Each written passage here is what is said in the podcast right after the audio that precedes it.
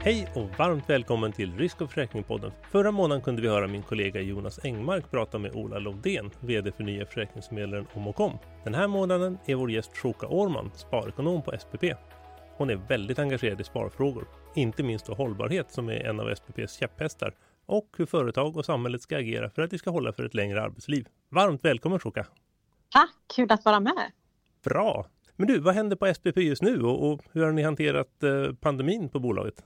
Nej, men det händer såklart extremt mycket även hos oss. Stort fokus för oss har varit att fortsätta egentligen vår resa mot att bli Sveriges ledande digitala tjänstepensionsbolag. Vi har ju vidareutvecklat vår eh, digitala erbjudande och försökt internt att liksom jobba agilt och mot en mer förändringsbaserat och digitalt eh, anpassning till våra kunder, vilket såklart har ökat också nu i samband med pandemin.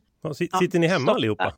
Vi sitter hemma allihopa från och till. Vissa av oss har varit tillfälligt på kontoren men majoriteten av oss har faktiskt kunnat arbeta och möta ändå våra kunder och deras behov eh, digitalt precis som många andra bolag. Men har det gått bra? Har det gått att, att liksom behålla en personlig bra kontakt med kunderna när ni har jobbat hemifrån? Det är klart att vi har ju fått anpassa oss ehm, till den digitala vardagen precis som alla andra. Jag tror att en fördel som vi har haft är egentligen att vi började vår liksom digitala resa innan pandemin slog till. Så det har ju underlättat både möten med våra kunder men också varit liksom avgörande för att kunna fortsätta ha en dialog med dem men också för att vi själva internt ska ha möjlighet att kunna arbeta och driva på verksamheten som tidigare. Jag tar och ramlar över lite grann på på hållbarhet här. För, för ni på SPP har ju, och inte minst då genom moderbolaget Storebrand, haft ett väldigt stort fokus på hållbarhet. Och du har ju också drivit linjen att hållbarhet är mer än bara gröna investeringar och att man ska se till hela ESG-spektrat med miljö, socialt och myndigheter. Kan du berätta lite om hur ni resonerar där?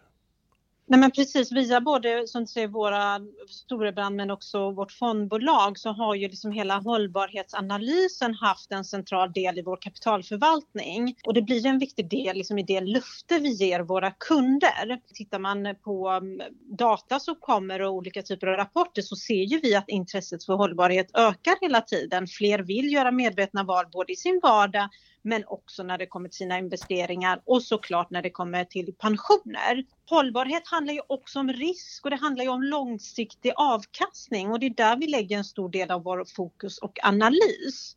Taxonomin hur ser ni på den? Är det svårt att avgöra vad som är hållbart? Eh, framförallt om man då ska lägga in fler faktorer än bara miljön.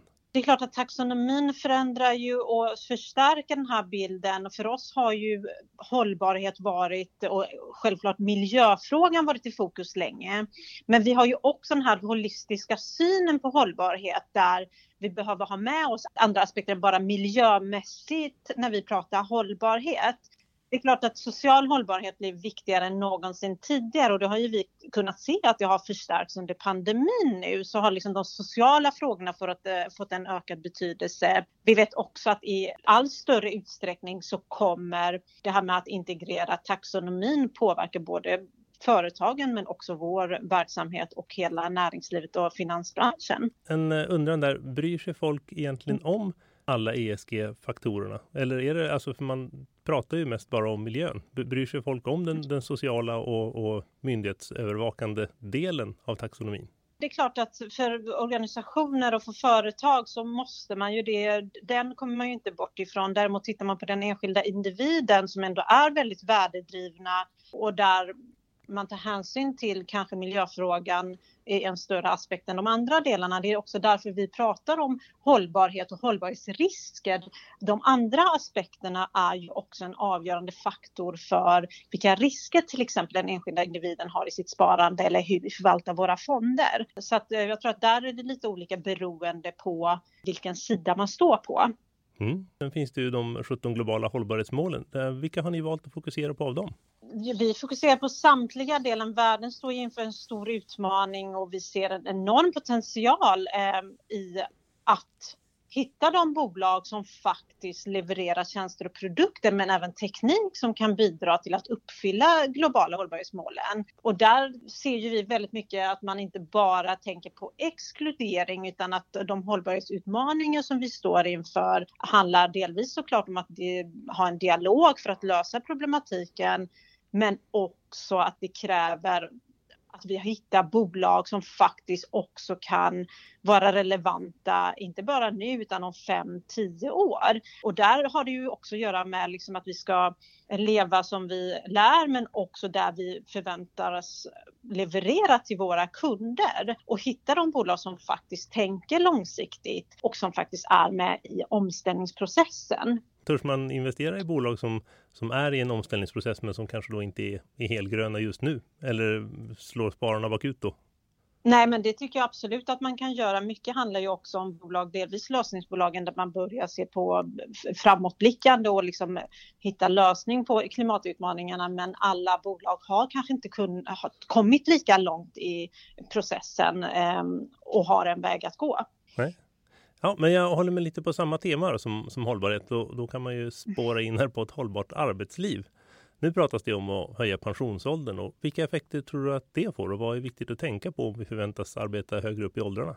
Arbetslivet har ju förändrats i snabb takt egentligen de senaste åren, kommer att fortsätta förändras. Vi lever ju allt längre och trots att vi pratar väldigt mycket om att vi är friska längre så finns det faktiskt en grupp eh, individer som faktiskt på grund av eh, olika typer av yrkesgrupper eller olika typer av belastning i sina arbeten inte har möjlighet att arbeta på det sättet. Och precis som du nämner här, vi har en höjd riktålder eh, och pensionsålder. Det kan ju bli problematiskt för den här gruppen. Men vi har ju faktiskt också Eh, när man frågar oss idag hur vi ser på arbetslivet så finns det ju fler och fler som faktiskt vill arbeta längre. Så där får vi på ett sätt en viss gruppering och en, om, en fördelning mellan de här olika grupperna. Generellt oavsett vilken av dem man tillhör så handlar det ju väldigt mycket om arbetsmiljö och arbetsvillkor. De delarna går hand i hand. Och ska vi kunna liksom arbeta med hela yrkeslivet så handlar ju väldigt mycket om det som egentligen är förebyggande. Att vi ser till att egentligen fånga upp de här delarna långt innan till exempel en sjukskrivning uppstår. Eller att man har att arbetsgivaren erbjuder att eh, både egentligen kompetensutveckling men också att arbetsgivaren arbeta för att hålla sina medarbetare friska under hela arbetslivet. Så det är klart att det blir en påfrestning och det tillkommer nya utmaningar inom framförallt vissa yrkesgrupper. Hur, hur kan försäkringsbranschen jobba för att förbättra folkhälsan i så fall?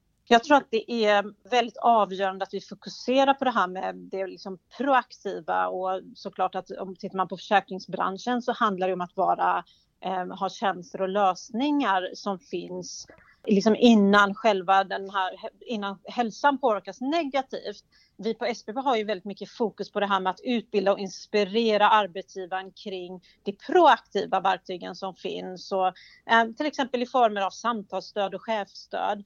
Det man inte får glömma av är ju också att branschen behöver ju erbjuda lösningar där man inte liksom särskiljer på det som uppstår och den problematik och hälsosituation som uppstår som är arbetsrelaterad och den privata delen. Det är klart att oavsett hur eh, vilken del du mår dåligt av, oavsett om det är skilsmässa eller stress på jobbet, så kommer det att påverka din arbetssituation. Ehm, och där handlar det ju delvis om att branschen kan tillgodose arbetsgivarna med de här delarna och att det finns en verktyg för att kunna förhindra och egentligen förebygga långt innan exempelvis en sjukskrivning. Vilken roll tycker du att försäkringsbranschen ska ha för att, för att skapa förutsättningar för ett långt arbetsliv? Vad, vad, är, vad är rimligt att, att försäkringsbranschen gör i denna, i denna kompott? Det är klart att vi också har avgörande roll i det liksom förändringsdrivna och självklart krävs det insatser från samhällets alla delar såklart, både arbetsgivare och politiker men också individen själv. Men vi lever i en försäkringsbranschen har ju också vi tillgodoser ju arbetsgivaren med det som de har behov av. Och i det behöver vi egentligen involvera liksom vägledning och verktyg även på de här områdena tycker vi. Ja, jag tar och växlar över till flytträtt. Där öppnas det upp nu mer för flytt av pensionskapitalet, i alla fall inom fondförsäkring. Hur ska ni agera för att bli vinnare på flyttmarknaden? Vi ser väldigt positivt på flytträtten och egentligen den transparens och rörlighet som skapas på marknaden. Eh, vi har ju sedan tidigare egentligen arbetat eh, precis på samma sätt som vi kommer fortsätta att göra, vilket handlar egentligen om att ha en helhetslösning. Jag tror att det är där vi där lösningen finns i en allt större digital värld och i en allt större värld där det kommer andra typer av konkurrenter så tror jag att helhetslösningen fortfarande är det som kunderna behöver, vilket egentligen Eh, innehåller professionell rådgivning men också om man tittar på fondutbudet. Du nämnde tidigare hur ska man välja och hur hittar man de här bolagen som inte har nått hela vägen när det kommer till hållbarhet och till exempel fossilfria investeringar. Hos oss behöver man liksom inte välja mellan någon form av ekohylla utan där vet du att samtliga våra egna fonder är fossilfria och att du kan ha det som basen och grunden i ditt sparande och sen addera till till exempel andra typer av eh, bolag och branscher och mer riktade fonder. Det i sig underlättar såklart för dagens investerare som faktiskt har ett behov och efterfrågan efter de här delarna men samtidigt upplever en komplexitet och svårighet att hitta till den här typen av sparande. Och jag tror att det är den vinnande konceptet på lång sikt. Om man ser på konkurrensen på livmarknaden idag, hur gör ni egentligen? För jag tänkte, det här med, med klimat och hållbarhet, det är ju ett, ett argument som, som alla framför. Känner folk till att ni, att ni är extra hållbara? Som aktör på marknaden? Eller är det ett, är det ett, ett argument som är svårt att få fram?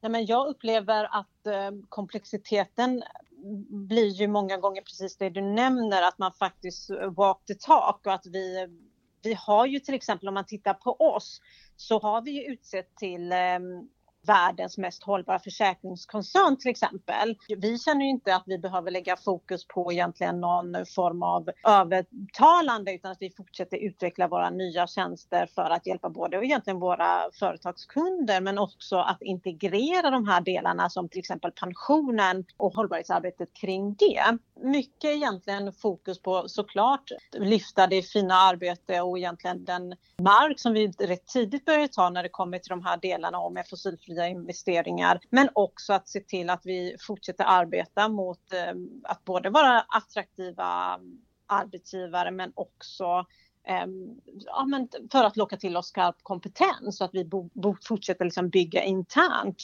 och fortsätta framåt med hållbarhetsarbetet.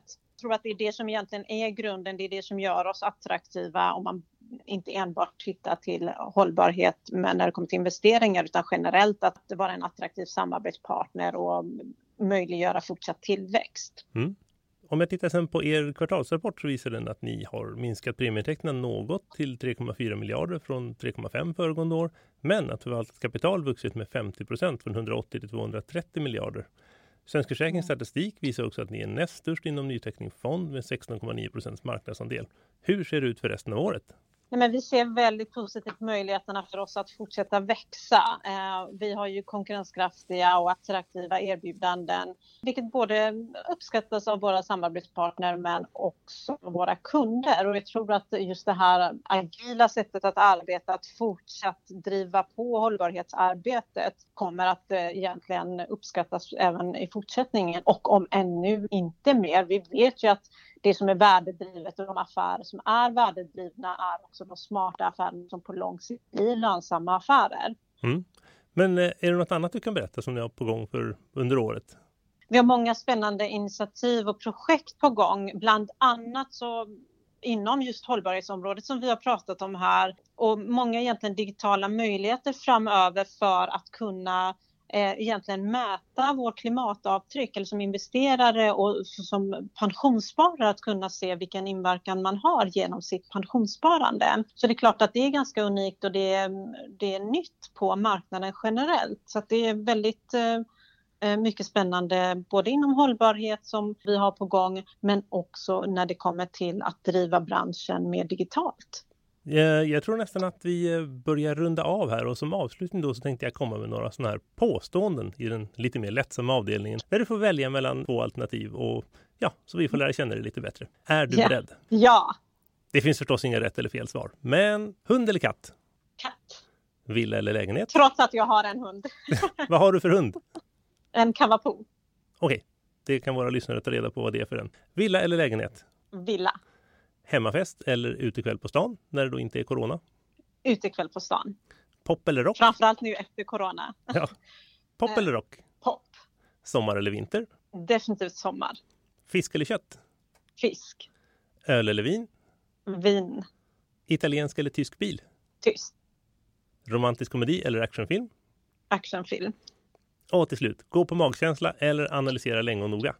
Analysera länge och noga. Vad bra, då vet vi allt om dig.